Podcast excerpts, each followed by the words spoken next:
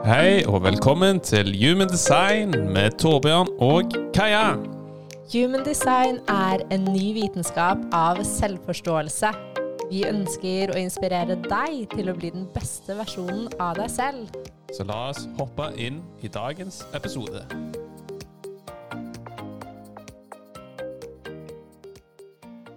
Hallo og velkommen tilbake til en ny podcast-episode. Og i denne episoden så har vi vært så heldige å ha med oss healer Susanne og hennes mann Erik. Og for dere som ikke kjenner til Susanne, så har hun tilgang på noen veldig unike gaver som hun har delt med verden siden 2009. Og jeg syns det var veldig interessant å høre hennes reise fram til nå. Ja, eh, hun har hatt en kjempespennende reise, og det går vi dypere inn på i denne episoden. Vi snakker også om hvordan året hennes i fjor var et av de tøffeste årene hun har hatt, til tross for um, gavene hun selv har. Jeg elsker jo når folk kan åpne seg, og vi kan snakke om tyngre perioder, fordi det er noe vi alle går igjennom, og tyngre perioder kan lære oss så mye. Eh, og det forbereder oss alltid på neste kapittel. Så tenker jeg også at det, det er interessant å nevne at Erik, mannen hennes, som jobber i et konsulentfirma, samtidig som han er med på Uhøytidelig spirituell podcast med Healer Susanne, hvordan han balanserer ut det her. Ja, og hvor mye det har endra seg de siste fem årene, som man snakket litt om. At det har blitt mer og mer åpenhet rundt disse emnene. Så snakket vi jo òg litt om hennes uh, meditasjoner, healing-meditasjoner, som vi sjøl har testa ut, og som man virkelig kan anbefale, for det har hatt en virkelig god effekt på både meg og Kaja. Jeg tror jo jeg har testet ut det meste innenfor healing og ulike metoder, og um, i hennes meditasjoner så føler man seg trygg. Man føler så mye kjærlighet. Eh, det er så ekte. Så gå inn og test en av meditasjonene hvis du føler for det. Så da tenker jeg jo egentlig at vi kan begynne å slippe det inn. Og hoppe inn i dagens episode. Enjoy. God lytt.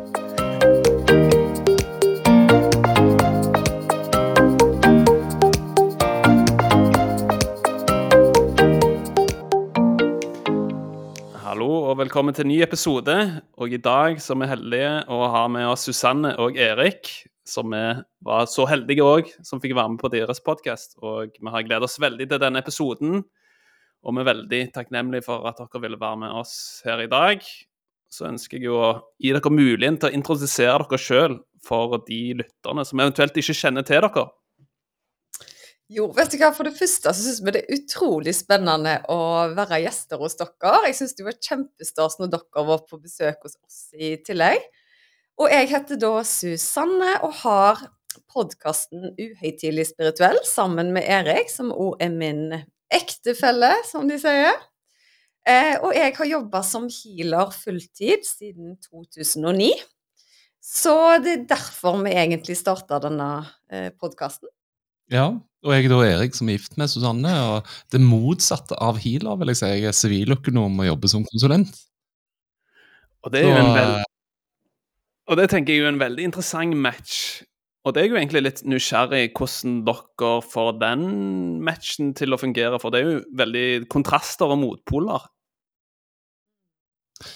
Eh, jeg kan jo begynne å starte litt der. Altså, nå var det jo sånn at jeg hadde egentlig en bakgrunn innenfor olja, så jeg jobba som markedssjef i et eh, subsea-firma. Eh, og fikk vel egentlig ikke skikkelig kontakt med evnene mine før jeg var godt voksen. Og da kom det egentlig som kasta på meg. Og i den prosessen, når jeg da eh, kjente på at evnene kom mer til uttrykk, så var det òg en periode hvor jeg traff Erik. Så han var på en måte en av de som jeg ble kjent med i starten av den eh, prosessen. Så han fikk på en måte litt og litt om gangen, da. Det var liksom ikke alt på en gang. Så hadde vi gjerne møttes i dag, så hadde det kanskje vært mye større overgang, men han fikk på en måte ta del i om den jeg vil jo si det var en stor overgang ganske umiddelbart for meg, men han fikk i hvert fall være med litt på prosessen, da. Fra singel-Susanne til gifte-Susanne, så var det allikevel eh, småglimt av eh, hva skal man si, alternative opplevelser. Og det var jo i 2009, det året jeg og han ble sammen, at jeg starta fulltid som healer. Og da husker jeg han sa til meg at kan du ikke bare gjøre det som en hobby, da? Se hvordan det går. Og da sa jeg bare men da kjenner jo ikke du meg i det hele tatt. Jeg trodde liksom du gjorde det, for her er det all or nothing. Så uh, dette brenner jeg for, og dette har jeg tenkt å gjøre. Så are you in or out? Uh, og da var det jo ingen tvil om at han var in, for å si det, for å si det sånn. Men du kan jo fortelle litt sjøl, Erik, om hvordan du syns det var. Ja, nei, men jeg tenker også du er inne på et eller annet med det at vi har tatt det gradvis. For hadde vi møttes nå, så tror jeg nok avstanden gjerne hadde blitt for stor. For det, er jo to forskjellige verdener på en måte vi eh, representerer, om du vil. Men det at jeg har fått ta del i reisen din, har jo gjort at det har eh, vært litt mindre farlig, da. Og så har det jo gjort noe med, med meg òg, at jeg føler jeg har søkt mer mot det abstrakte da, fremfor det konkrete som gjerne økonomien representerer. Mm. Og det er jo egentlig en veldig ja, er, Som et par så er det jo utgangspunktet en reise man går igjennom sammen. Og det er jo veldig fint å se at det er andre par som har opplevd noe av det samme som jeg og Kaja for. Hos oss, hos òg var det jo Kaja som tok det første steget. Så for meg var det føltes kanskje veldig ubehagelig når eh, Kaja gjorde noe som ikke var, som du nevner, Erik, dette konkrete og det som er hva skal jeg si, håndfast men det gikk steg for steg. Eh, så er jeg jo litt sånn interessert i å høre på om du, Erik, om du har følt det. For du jobber jo i EI, det husker jeg jo fra forrige gang. Og hvordan du eventuelt møter For jeg er litt nysgjerrig å høre på rundt om det For det er jo gjerne ikke så skal ikke si akseptert, men så åpent om disse type temaene i den type bransjen. Bare litt nysgjerrig på hvordan du har følt det. Ja, det er et ganske interessant spørsmål. for det at uh, Hadde vi spolt fem år tilbake igjen i tid, så tror jeg ikke det hadde vært særlig akseptabelt for meg å, å diskutere mm. sånne emner som dette på jobb. Men uh, bransjen har jo tatt en uh, ganske mye vridning, vil jeg si. det er ikke lenger bare økonomer som jobber som konsulenter. Det er diversitet, diversitet i, både liksom, ja, hvor du kommer fra i verden, hva religion du har, hva bakgrunn i utdannelse du har. Og tanken der er jo at eh, jo større forskjeller, eh, jo bedre resultater, for å si det sånn. Eh, så da er det egentlig tatt imot med åpne armer å ha sånne diskusjoner for å på en måte utvide horisonten litt på jobb. Og så tror jeg i tillegg at når Erik stakkars, han hadde jo ikke så mye valg når jeg våkner en morgen og sier 'Vi skal starte podkast!' Og han vet bare OK, skal den handle om? Nei, den skal handle om healing og spiritualitet. Og den skal hete Uhøytidelig spirituell. Han bare Ja, ja, jeg er jo vant med å go with the flow, jeg. Så vi starta egentlig med en liten telefon på kjøkkenbordet, og begynte egentlig å snakke om liksom min, mine evner og hvordan ting starta. Og jeg skjønner jo at for allmennbefolkningen som hører det, at eh, ja, nei, du jobber som markedssjef i olje, og ei uke etterpå så hadde du 3000 på ventelista som skulle stå i kø for å komme én til én healing. Det er jo vanskelig selv for meg å tro, men det var et så enormt indre kall, og jeg bare visste at dette skulle jeg gjøre.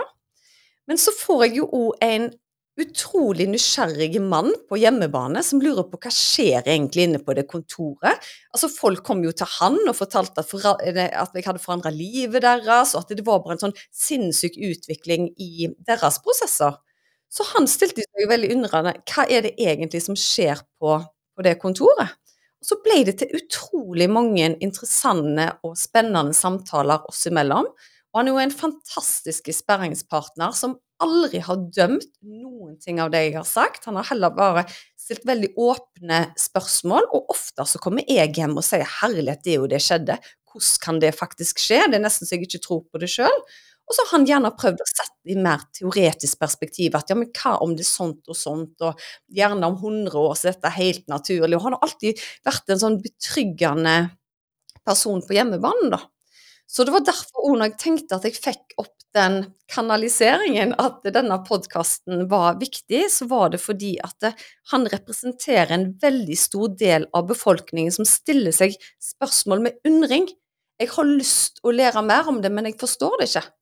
Og da tenkte jeg at hvem er bedre å faktisk ha disse samtalene enn med en person som er for det første veldig trygg i seg sjøl, og som òg har veldig mye kunnskap om andre ting, men òg har den nysgjerrigheten i bånn.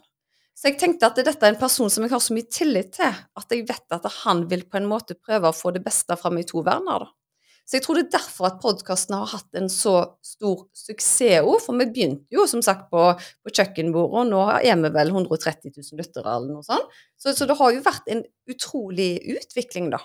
Så, det tror jeg òg har gjort at Erik har vært tryggere om å snakke om det på jobben, for folk har jo lytta til podkasten og tenker at ok, her er det faktisk en som har bakkekontakten, men allikevel er åpen for det spirituelle, da.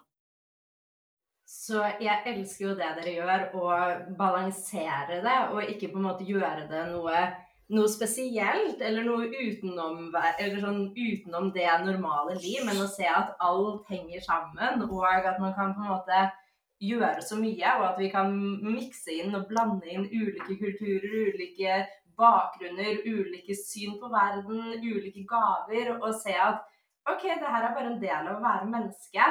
Og man kan jobbe på et sted, det har ikke noen betydning, men fordi jeg føler også sånn bare ordet spiritualitet blir jo veldig sånn lett misbrukt. Og det har jo på en måte blitt en sånn ting at folk sier 'Å, du er spirituell', ja, du er den, og setter seg selv eller andre i en slags boks.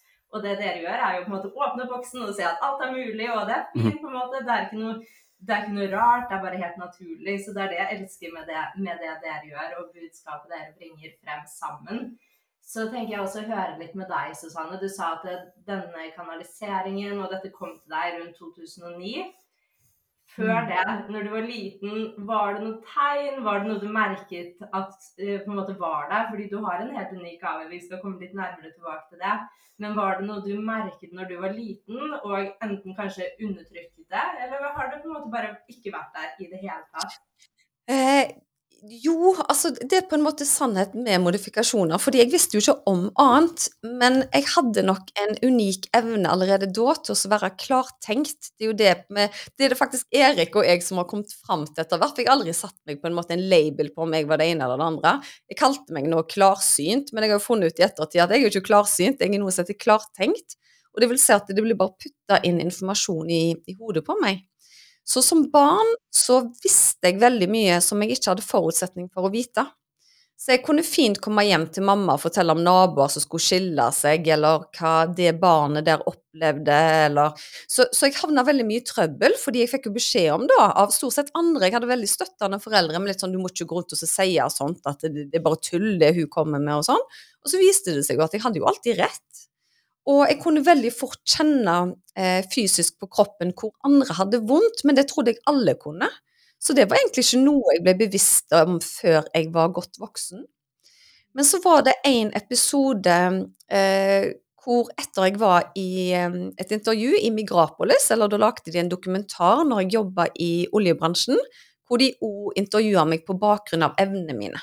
For da hadde de hørt fra flere kanaler om hun dama i Stavanger som kunne helbrede ulike plager, da.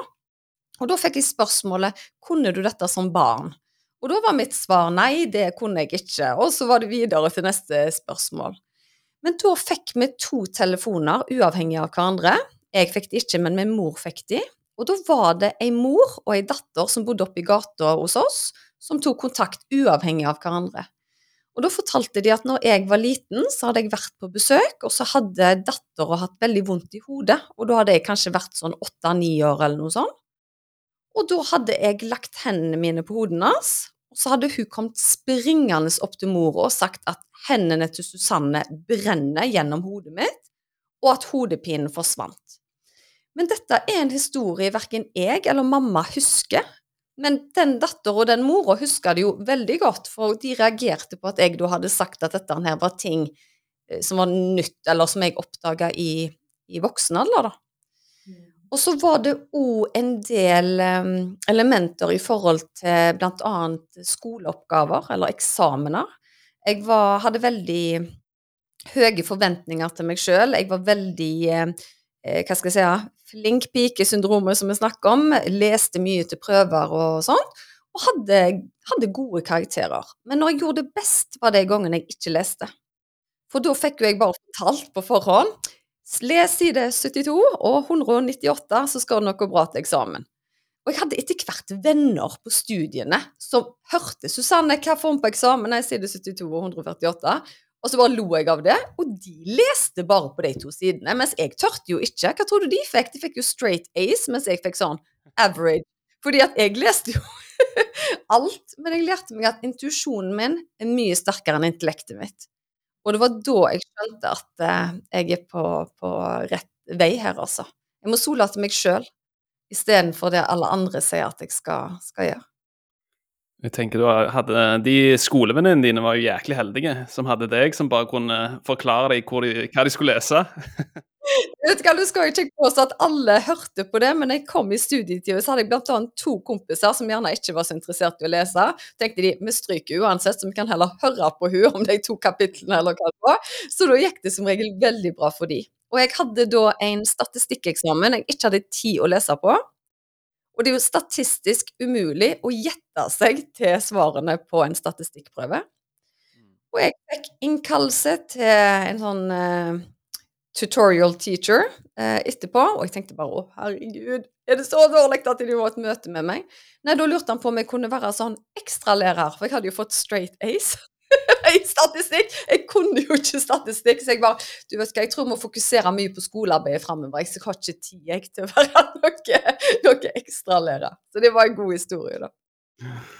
Ja, altså, det er helt herlig. Ja, jeg tenker det er jo en veldig spesiell gave du har der. Men så er jeg jo litt nysgjerrig med tanke på Du nevnte jo at du jobbet i olja, og du slutta i den i 2009. Var det noe som gjorde at, at du okay, tenkte ja, men nå, nå vil jeg gjøre en endring, nå vil jeg gi slipp på den delen av meg, eller den eh, hva skal jeg si, tidligere versjonen av meg, eller når du var i oljebransjen, om det var noe som OK, hva som gjorde at du velger OK, nå vil jeg gå all in med healing? Eh, det var todelt. Um, for det første så hadde jeg på en måte over natta fått en enorm kraft. Eh, jeg gikk hjem fra jobb en dag. Det var før jeg starta i, i olja. Eh, hadde mine vanlige rutiner, pleide å se på TV eller eh, andre ting. Og så satte jeg meg da i sofaen, og så kjente jeg bare plutselig at det var noe som skjedde rundt meg. Og jeg hadde som vanlig vi satt på TV eller spist middag eller den type ting. Men da kjente jeg bare at det bobla i hele kroppen min som en sånn intens eh, forelskelse. Og så var det en tilstedeværelse av en energi som sa til meg at hun het Aurora, og at jeg skulle hjelpe mennesker. Og der og da så tenkte jeg ok, nå har jeg bare klikka. Altså, dette her er jo bare out of there. Eh, men det var en sånn en bekreftelse og en sånn trygghet i den krafta at jeg måtte bare sitte og ta imot. Så fra den dagen der endra livet seg totalt, altså. Og jeg ringte til min mor, husker jeg, og så sa jeg at ok, nå må du tro at jeg er helt splitter pinne gal, for nå er det liksom en engel her som ser at du heter Aurora, og at jeg skal hjelpe folk, liksom. Og så tenkte jeg bare ok, nå kommer mamma til en skikkelig alvorsprat med meg, og så sier hun Men Susanne, det er jo ingen engler som heter Aurora. Heter ikke de sånn Gabriel og sånt i dag? og da tenkte jeg bare ok, it's not the point, mother, men uh, greit, jeg skal, jeg skal ta det. Men det var i hvert fall kortversjonen av den store forandringen. Og i opp, si, oppfasen til dette her, så hadde jeg òg snakket med en numerolog. For jeg var veldig nysgjerrig på kjærlighetslivet mitt. Jeg ville på en måte vite når møtte jeg den rette mannen. Det var egentlig det, det eneste jeg lurte på. Og hun var jo ikke interessert i å snakke om det i det hele tatt. Hun var litt sånn drit i mannen. Du har en fantastisk kraft, og det var ikke måte på. Og jeg hørte bare bla, bla, bla, bla, bla. Og jeg bare ja, men hva med kjærlighetslivet? Så hun var veldig mer fokusert på dette her, at jeg gjerne skulle gjøre noe annet, da. Men jeg kjente meg ikke igjen i det hun snakket om i det hele tatt. Så jeg la på, og var ferdig liksom med den samtalen. Egentlig så husker jeg ikke så mye av det akkurat der og da heller, fordi jeg tenkte bare at uh, hun traff ikke på meg. Og så gikk det litt tid, og så bestemte jeg meg for at jeg ville bytte etternavn. Eh, og det var ikke sånn prosess som det er i dag, at du går inn på internett og bare Ja, jeg vil hete det. Jeg måtte skrive et skriftlig håndskreven brev. Jeg måtte ha god argumentasjon på hvorfor jeg ville ta til meg dette etternavnet. Og det var fordi at min morfar hadde dødd. Han døde bare to år tidligere. Og så fant jeg ut at jeg har lyst til å hete det som han heter. Og det var veldig sånn sterkt i meg, og ingen andre skjønte hvorfor skal du ta deg bryet med å ta et ekstra navn. Liksom, hvorfor betyr det så mye? Men det er så litt interessant at eh, evnene mine kom nesten den dagen jeg fikk i posten at jeg nå heter Susanne Ertsland Tønnesen. Hm. Det var som å trykke på en knapp hvor denne magien og hendene mine brant, og jeg fikk også et besøk av min avdøde morfar, hvor han forteller meg at eh, onkel har det ikke bra. Tenkte jeg jo, onkel har det jo strålende, altså drømmer jeg nå, eller? Nei, onkel har det ikke bra. Og så har jeg ikke for vane til å ringe til onkel sånn i eh, utide, holdt jeg på å si, så jeg ringte til mormor neste dag og lurte på eh, hvordan har du det? Nei, vet du hva, akkurat nå så er det litt slitsomt, for onkel har det ikke bra. Han ligger på sofaen her, og han har en sånn senebetennelse som gjør at han nesten skriker i smerte, så jeg må nesten bare legge på. Så sier jeg, kan du få han bort til telefonen? Ja, hva jeg tenkte på? Nei, jeg skal bare prøve på noe. Og så sier hun et eller annet til onkel om at Susanne skal prøve å helbrede deg, eller et eller annet sånt. Så han kommer liksom sånn halvleende til telefonen og sier 'Nå er det heksadoktoren'. Og så sier jeg det at eh, 'Bare hold deg helt i ro nå, så skal jeg sende en kraft til deg'. Og da kjente jeg bare at hele armen min begynte å vibrere, og så begynte det å dryppe akkurat som eh, lotionperler ut av hendene mine. Og det var såpass mye at hvis jeg hadde tatt et lite tefat unna, så kunne jeg ha fanget opp noen dråper der. det. Og så sier jeg til onkel, og bare det å si det høyt er jo spesielt Nå kan du løfte armen din. Så sa han, det kan jeg ikke. Så sa jeg, jo, det kan du. Så løfter han opp armen sin. Jeg ser det jo ikke, men det er ikke en lyd i telefonen. Så er det helt stille i sikkert et minutt, og så sier han, jeg kjenner ikke en skit. Alt smerten er vekke. Og dette er en person, han jobber som skipsreder. Og han stilte da opp i beste sendetid på Migrapolis og fortalte om denne historien i ettertid.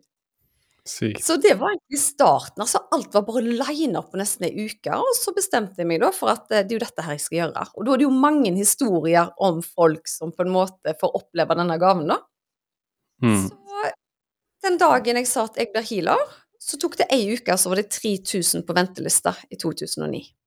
Wow. Og den ventelista har jeg hatt fram til nå. Men nå har jo jeg og Erik gjort et eksperiment som han tok regien av, og det er kjempespennende, egentlig.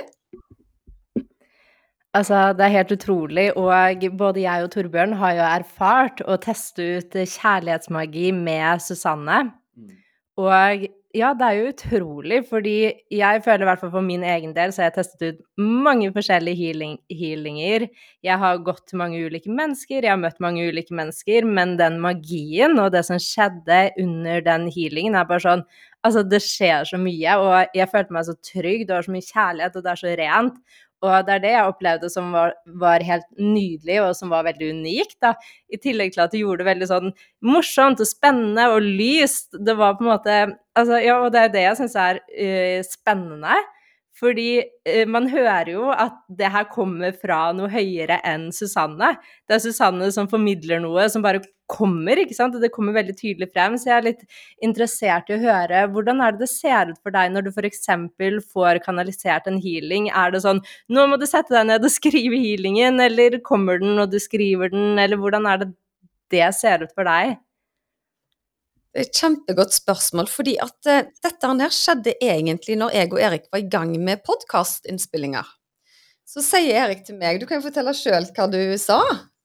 Ja, altså Vi diskuterte jo litt dette her med, med tid og sted, og fungerer kraften Altså, Jeg jobber litt sånn med databaser, og der snakker vi om én til én, til mange. ikke sant?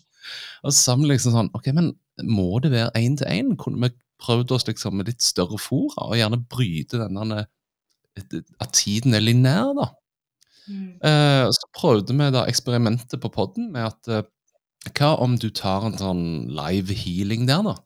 Og så får vi folk til å skrive melding tilbake igjen til oss om de merker noen ting. Eh, og det var en vanvittig respons. Folk som liksom lytter til dette her og blir kvitt hodepine, og folk som kan løfte armer og, og hva som er. Og da starta vel det egentlig dette her eh, Sånn som når du nå har disse kanal kanaliserte healingene òg, at ok, det er et eller annet der som ikke bryr seg om verken tid, sted eller noen ting. Sånn at du kan spille det samme på repeat og få både den samme og forsterka følelse ut av dette. da. Mm. Og det som, eh, det som er litt gøy når jeg kanaliserer, så er aldri noe planlagt på forhånd. Jeg skriver ikke ned et ord, det skjer rett på direkten. Jeg kan gjøre det planlagt, og jeg kan gjøre det veldig uplanlagt. Men disse eh, kanaliseringene, de guida healingene som nå jeg har ute på nettsida mi, som folk kan laste ned for en symbolsk sum, eh, så er det rett og slett at jeg får beskjed Susanne, nå er vi i gang. Og da kjenner jeg bare det begynner å vibrere. Og som regel er jeg alene når jeg får beskjed om det. Og da er det rett og slett på med opptak på telefonen, legge meg ned, og så går dette her bare gjennom meg. Og det var jo en av de første gangene jeg kanaliserte lysspråket. Det skjedde under en én-til-én-healing, og så skulle jeg fortelle Erik om det etterpå. At vet du hva, dette er det sykeste som har skjedd. Plutselig så kommer det gjennom meg et språk, og jeg skulle prøve å etterligne det, og han vet bare å herlighet. Og så skulle jeg prøve å fortelle han hvordan det var, men det fikk jeg jo ikke til. Det ble litt sånn Han skulle prøve å etterligne meg litt sånn ha-ha-ha, hi-hi-hi, ho-ho-ho, og jeg sjøl fikk det heller ikke til. Og så sier han, tror jeg, Nei, vi var midt i en podkastinnspilling, så sier jeg å herlighet, nå skjer det. Og vips, mens vi da er på taken i podkasten, så kommer dette lysspråket. Og sånn som Erik sa, at det, det var veldig spesiell opplevelse første gangen, var det ikke det? Jo, for du, liksom, visuelt sett, for jeg som sitter og ser på deg, ser jo at det er akkurat som det, det er noe som forandrer seg i fjeset. Det er akkurat som en annen person som prater. da. Og det er et språk som, som du var inne på at jeg klarer ikke å etterligne det om jeg hadde øvd en gang. Så det er liksom tatt eh, helt ut av eh, ingen steder. Ja, veldig merkelig. Ja, og så kommer jo fortolkningen etterpå, men, men vi har jo òg hatt en episode hvor det kom som kasta på meg akkurat en, en kanalisering fra lysspråket, som var så sterk at jeg og Erik diskuterer i faktisk opptak om kan vi sende dette. Erik sa først jeg tror dette er for sterk kost for de som hører på, fordi det var så voldsomt. Jeg grein, og jeg vet ikke om du grein, og det var i hvert fall veldig heftige greier. Jeg grein ikke. OK, du grein ikke. Jeg grein. jeg grein. Eh, og, og, det var akkurat som språket var Husker dere en sånn en gammel kassettspiller? Hvis du spolte med lyd, så ble det sånn Og det var nesten sånn jeg, jeg snakket. Det var jo helt crazy. Men så sa jeg til han nei, vet du hva, her snakker vi at folk skal være åpne, liksom, og by på seg sjøl og liksom fordommer, og så skal jeg nei, jeg skal sensurere den episoden der. Så tenkte jeg nei, lov til å si fuck it på radioen, holdt jeg på å si, på podkast. Vet hva, drit i, vi sender det. Og så var jo responsen så utrolig positive. Men selvfølgelig, nå har jo vi lyttere som er gjerne åpnere enn gjennom sitt ord, da. Mm. Ja, det er veldig interessant når du sier det med det språket, det lysspråket. For den er jo i den mm, guida healingen, den kjærlighetsmagi. Og jeg husker jo jeg, når jeg første gang jeg hørte det, så reagerte jeg jo veldig og bare Wow, hva er det som skjer nå? Nå er det noe sykt på gang. Og jeg tenkte sånn, herregud, jeg prøvde å etterligne litt sjøl til Kaja. Og da, da, da, da. jeg, jeg klarer det ikke. Nei, det, det, går rett og slett ikke, ikke det, altså.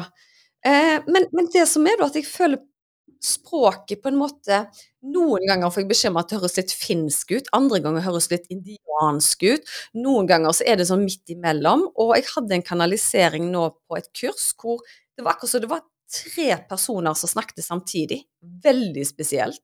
Så, så, du må jo bare legge ditt eget ego langt til sides, for ikke så ligger du bare og skammer deg over hvor pinlig det er og skal liksom bable på den måten der. Men jeg gjør det ensbetydende fordi det gjør noe med folk. Hadde det vært for mitt eget rykte, så hadde jeg gjerne spart på den konfekten og bare tatt en healing, for det høres kulere ut. Men, men, jeg har lært meg at dette er så mye større og mye mer intelligent enn det jeg noensinne kommer til å bli. Så hvis jeg er en åpen kanal, så vær så god, bruk meg hvis jeg kan spre mer kjærlighet og lys til folk, altså. Jeg tror vi trenger det nå mer enn noen gang. Og jeg ser jo også at du er fullbooket, og at det er vanskelig å på en måte få bestilt time fordi det har blitt så populært, og siden du hjelper så mange, og så mange også trenger det. Eh, så det er jo en veldig fin måte, det som Erik kom med, at ok, greit, la oss lage episoder hvor folk faktisk kan laste ned til en veldig god pris. Eh, og det fungerer for alle. Og det fungerer. Det kan vi skrive under på. Eh, så jeg er også litt nysgjerrig, fordi du har jo på en måte denne evnen og denne gaven er veldig knyttet til på en måte både den fysiske verden, men også den spirituelle verden og alt det som skjer utenom. Hvordan er det på en måte for deg? Er det noen ganger du kan bli litt sånn ah, hva, Kommer det nå, vil jeg at det skal komme nå? Eller er det veldig sånn kontrollert, og du vet når på en måte du får beskjeder, videre? Eller hvordan ser det ut for deg? Vet du hva, um, veldig mange har stilt meg det spørsmålet sånn som hvordan opplevde du det første gangen? Ble du redd? Og jeg har fått veldig mye sånn dype spørsmål, og sannheten er veldig kjedelig. For jeg har aldri følt meg mer på plass og tryggere i min eget vesen og kraft enn i forhold til min gave. Og bare vi snakker sammen om det nå, så skal jeg demonstrere på Eriks hånd, så blir jeg iskald. Da er det bare Vi er rundt deg. Vi er her med deg. Eh, så, så, det er på en måte en så stor del av meg at det er ikke noe jeg går inn og ut av heller. Det er liksom bare Det er det samme som å puste, liksom. Du tenker ikke over det. Og, men hvis noen mm. sier til deg 'nå må du puste dypt', så kan jeg jo det. og det er litt sånn ved. Altså 'nå skal du kanalisere'. Ok, da får vi konsentrere oss litt, og så gjør vi, gjør vi det. Så, mm. og um, mine barndomsvenninner, f.eks., de tenker ikke over at jeg er spirituell i det hele tatt. De snakker om sine ting, og det, det er liksom ikke et tema engang. Men så liker jeg jo veldig godt å være sammen med folk som er nysgjerrige og åpne og ønsker å lære mer om livet, hvorfor vi er her, om andre dimensjoner. Altså jeg brenner jo over av engasjement, men så kan jeg òg være veldig vanlig å snakke om gardiner og andre kjedelige ting. Jeg vil si. Ja, men altså Ja, jeg tenker jo Det er det som er fint, at man finner sånn der en balanse i alt sammen.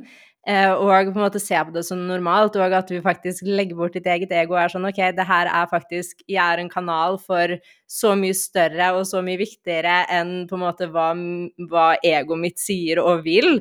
Fordi jeg kan bistå så mange andre i denne verden med det lyset jeg kan bringe, og den kjærligheten jeg har i meg.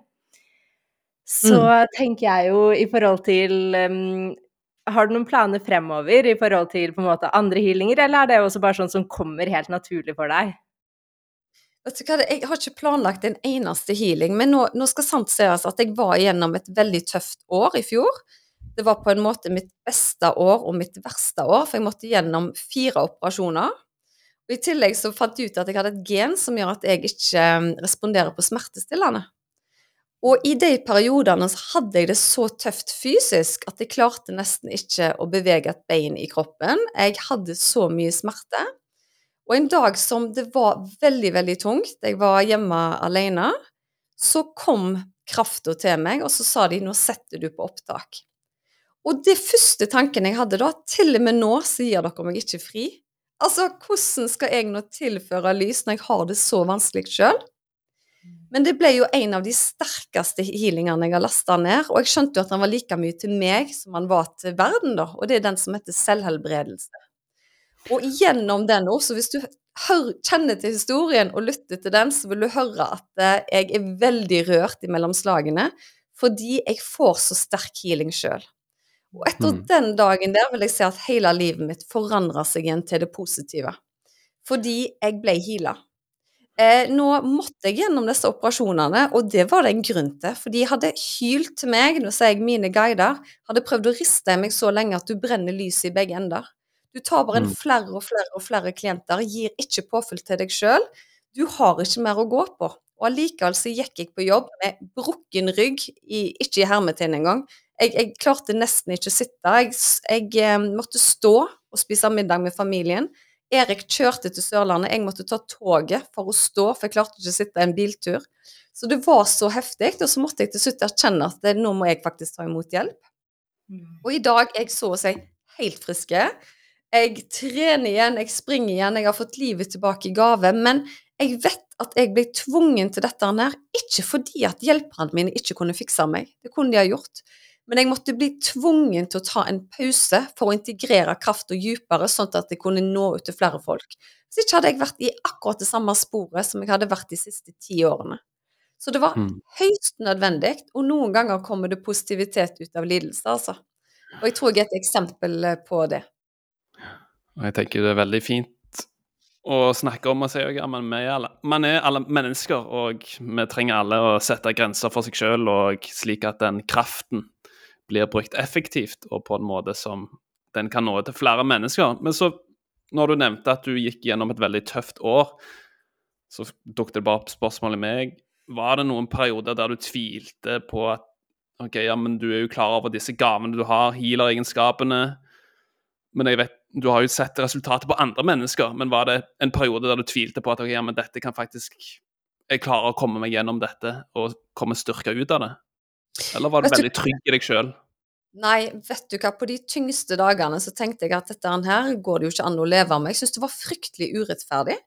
Her tenkte jeg, her kan jeg bare komme inn noe som har hatt vondt i ryggen i eh, en måned, og så knipser jeg på de, og så har jeg nå lidd i nesten to år, og det blir bare verre og verre og verre og verre. Så tro meg jeg stilte spørsmålene. Og så tenkte jeg liksom sånn, og så allikevel har dere en forventning om at jeg skal by på meg sjøl og by på meg sjøl og by på meg sjøl. Jeg har ikke mer å gå på. Men jeg tror det var det jeg trengte å erkjenne for meg sjøl, da. Så tvilen var der absolutt. Jeg tvilte aldri på hva jeg kunne gjøre for andre, men jeg tvilte på hva hjelperne kunne gjøre for meg, for jeg så ikke på et tidspunkt at det hjalp meg. Men spoler jeg tilbake, så ser jeg jo at det var hundrevis av eksempler hvor jeg er så privilegert. Jeg har opplevd å bli operert av usynlige hjelpere. Jeg har svevd over senga mi. Jeg har hatt så sinnssykt sterke bilder på at hjelpen er der. Men i det på en måte, i kaoset mitt, da, så tvilte jeg allikevel på, på utfallet, da. Mm. Så um, selvhelbredelse ble helomvendingen, eh, helomvendingen for, for meg. Og det var jo starten på noe magisk. Åh, tusen takk for at du deler så åpent, og jeg tror at eh, både 2020 og året i fjor har vært tunge år, og det er mange som har opplevd det samme som deg, bare at det har sett ut i ulike former. Så jeg er veldig takknemlig for at du deler så åpent om det. Um, og jeg tror jo også sånn, jo mer lys man har, og jo mer tilgang, og jo mer sensitiv man er til verden, jo mer kan man jo også møte det, ikke sant? Og, mm, og jeg tror jo det er en veldig fin lekse, sånn alt det du lærte i den perioden. Sånn ok, greit, det var her for en grunn, og jeg måtte også se hvordan jeg faktisk må ta vare på meg selv. For hadde det kanskje ikke gått så langt, så hadde du bare hjulpet alle andre og helt glemt deg selv. Um, Mm. Fordi det er, så, det er så enkelt å hjelpe seg selv, men så er det så lett å glemme Nei, det er så enkelt å hjelpe andre og glemme seg selv på veien. Så, um, så jeg er veldig glad for at du deler det her, og takk for at du er så åpen om det. Og jeg kan jo si sånn, bare sånn Ja, jeg hadde en drøm, og healer-Susanne var med i drømmen min. Så du healer mange flere enn det man tror. Bare sånn, det skjer automatisk. Og der heala du både meg, Torbjørn og en god venninne av meg. Så vet du hva, men det som er litt spesielt nå, Kaja, er det at det alltid når noen forteller meg noe som det er en viktig beskjed eller en sannhet i, så får jeg frysninger over hele kroppen. Det har alltid vært sånn hvis noen forteller meg en rørende historie og jeg ikke kjenner noen ting, så er det sånn Ja, det var en rørende historie. I don't believe it. Men her kjente jeg bare at det opp gjennom hele kroppen. Så For det var var en helt ekstrem drøm, og jeg også hadde sånn ut av meg selv-opplevelse og liksom svevde langt over min egen seng. Så det er sånn, ja, det var en helt unik eh, opplevelse, og eh, ja, det er bare interessant hva slags bidrag du gjør, som det skjer så mye som du på en måte ikke ser heller.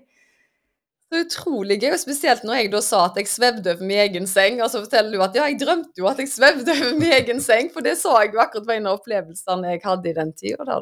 Mm. Mm. Så det er gøy. Jeg syns jo det er veldig gøy å høre med tanke på, med tanke på den energien og den du har i Human Design, som vi snakket om litt i den podkasten vi var i dere òg, så er jo du en generator, Susanne. Og den sakrale energien er jo en veldig kraftig og magnetisk energi. Uh, men så fungerer jo den veldig slik ok, man må sette grenser for seg sjøl og ikke eh, spre sin energi overalt, for da kan det jo selvfølgelig den kraftige energien bli eh, brukt på en mindre bærekraftig måte. Så det er jo interessant fra et human design-perspektiv, som jeg syns er veldig gøy å se. At ok, ja, men den er jo utgangspunktet den kraftigste kilden man har i selve Human Design-systemet. Men som jeg nevnte, ok, det er så viktig at man hedrer sine egne grenser, og at man ikke bare sprer den ut overalt. Mm. Så er det jo litt gøy å se deg, Erik, i Human Design, for du er jo en MG. Og jeg, det var veldig gøy, for jeg hørte jo den uh, episoden dere to hadde der dere oppsummerte sommerferien. Når dere var i Lisboa. Og der hadde du tydeligvis vært i tidligere liv.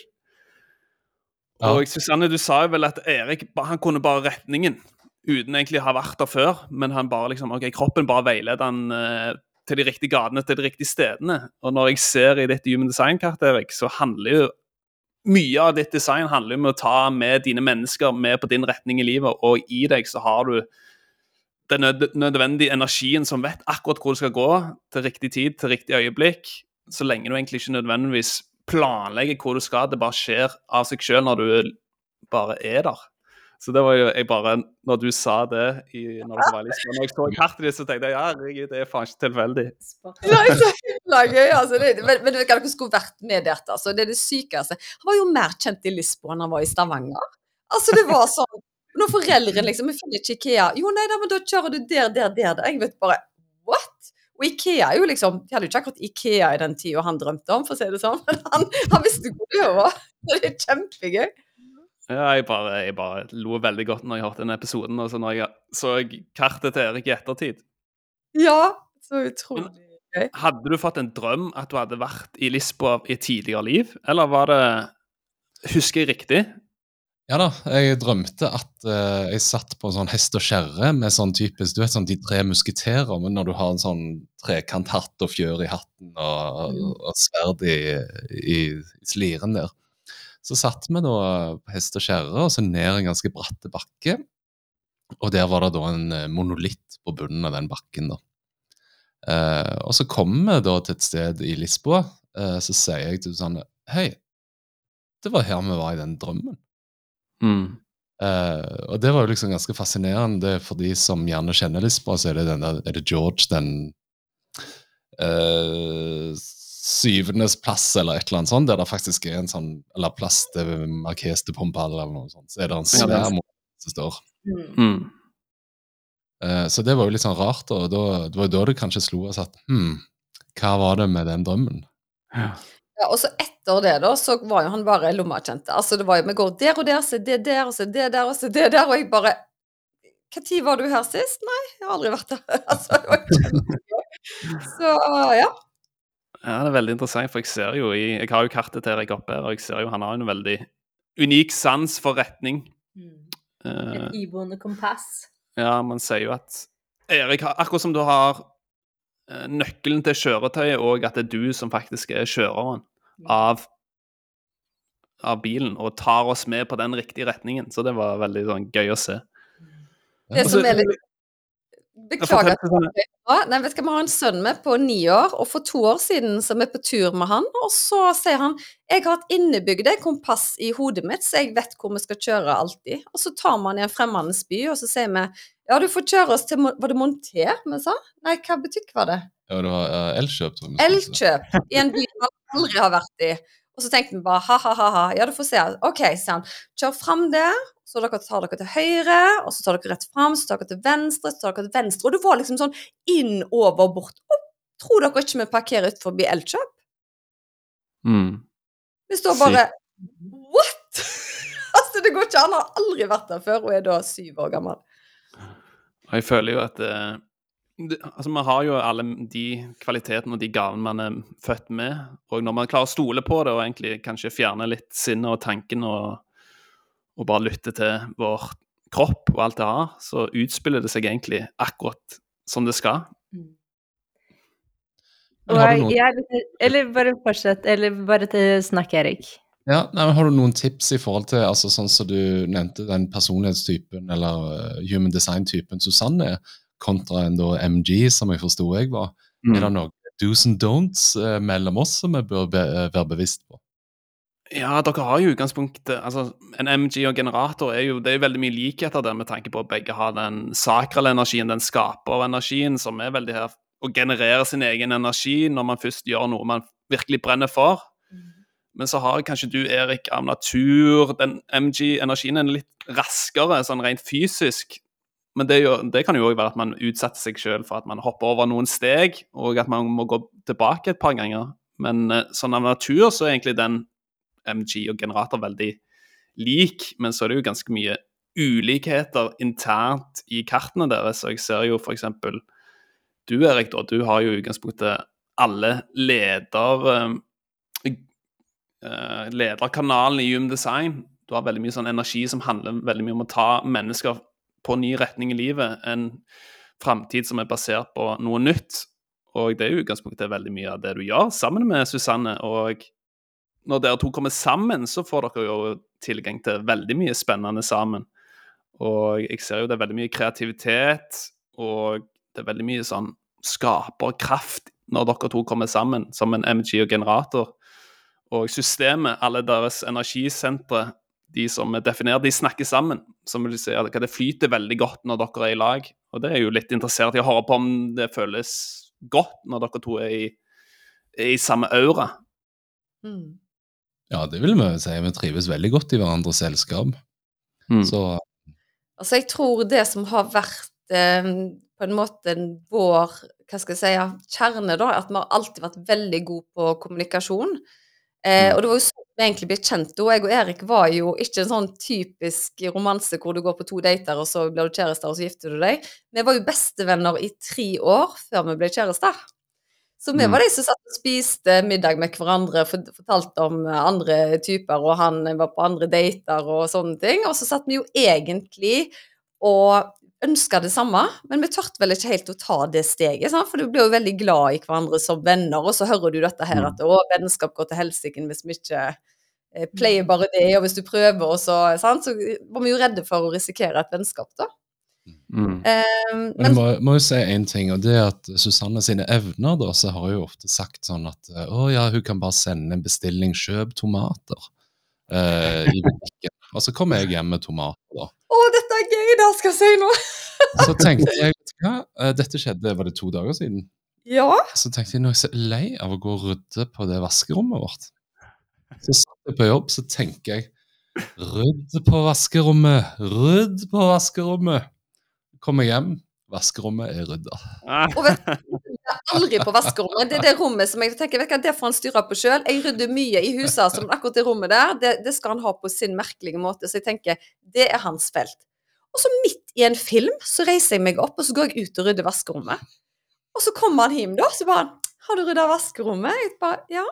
'Ja, jeg har sittet sånn i hele dag'. Rydd vaskerommet, vaskerommet! Så det er jo kjempefestig, men litt skummelt òg, egentlig. er det ikke det? Det er veldig gøy å se, for begge dere to har jo et helt åpent hodesenter i Jum Design. Så dere kan egentlig bounce over hverandres tanker og ideer og inspirasjon. Så er det veldig gøy å se ok, ja, men nå er det Erik som kanskje snur det litt om. ok, ja, men nå vil jeg Susanne skal ta litt mer tak. Og, og du, aner ikke hvor mye gøy jeg har fått ham til å handle på butikken. Altså, Han kommer hjem med de merkeligste ting, fordi da har jeg sagt 'kjøp kanelstang'. Altså, hva i pokker kjøper du kanel? Jeg tror vi aldri har brukt det engang, liksom. Og så kommer alle sånn eh, «Hvorfor har du kjøpt denne? Nei, altså, Sto ikke det på lista, da, eller? No. Det var kjempegøy. Så ja, vi, har, vi, har, vi leker litt med det, altså. Ja. ja. Men det er nytt at jeg kan òg sende meldinger, så hun har hatt liksom Ok, okay. ok. Nå er det krig. Ja, men nå er det krig. Nå snur rollene seg om. Nå er det Ja. Erik som er i kontroll. Og det er jo Ja, jeg ser jo mye i deg, Erik. Det er jo du som kanskje skal være litt lederen i, i forholdet og være den som kanskje bouncer over til Susanne. Gøy. Altså, hvis du, hvis du, hvis du var mann Nei, da tuller jeg. Jeg syns han ikke var det. Nei, vet du hva, men kommunikasjon er, har vi alltid vært veldig gode på. Mm. Så er vi jo veldig begge sosiale og Nei, altså, Mm. ja.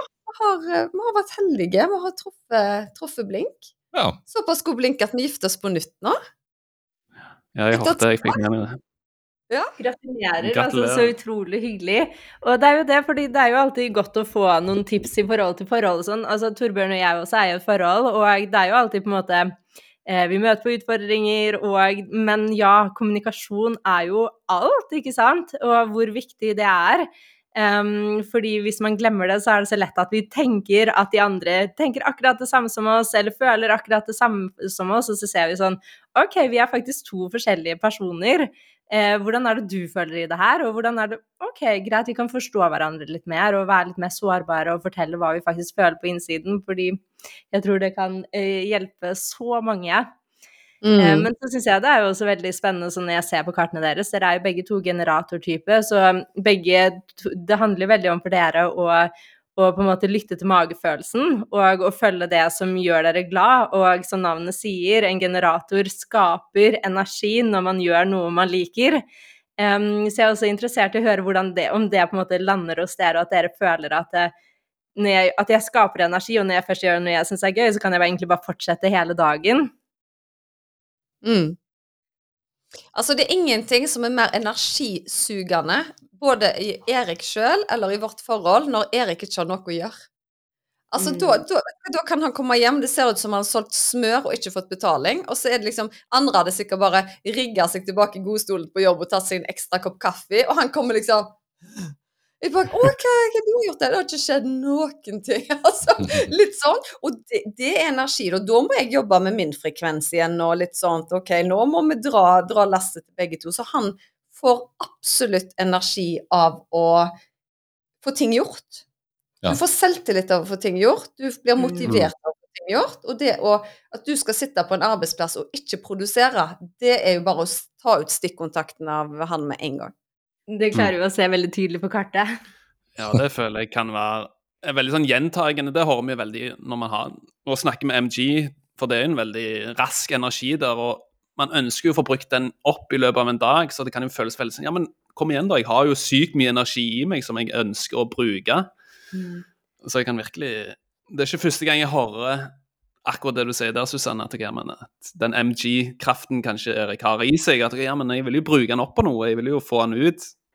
Ja, men det som var litt interessant at dere sa, var gjerne at Erik var litt raskere enn meg. Og vi har jo alltid sagt mm. at jeg er gassen, han er bremsen.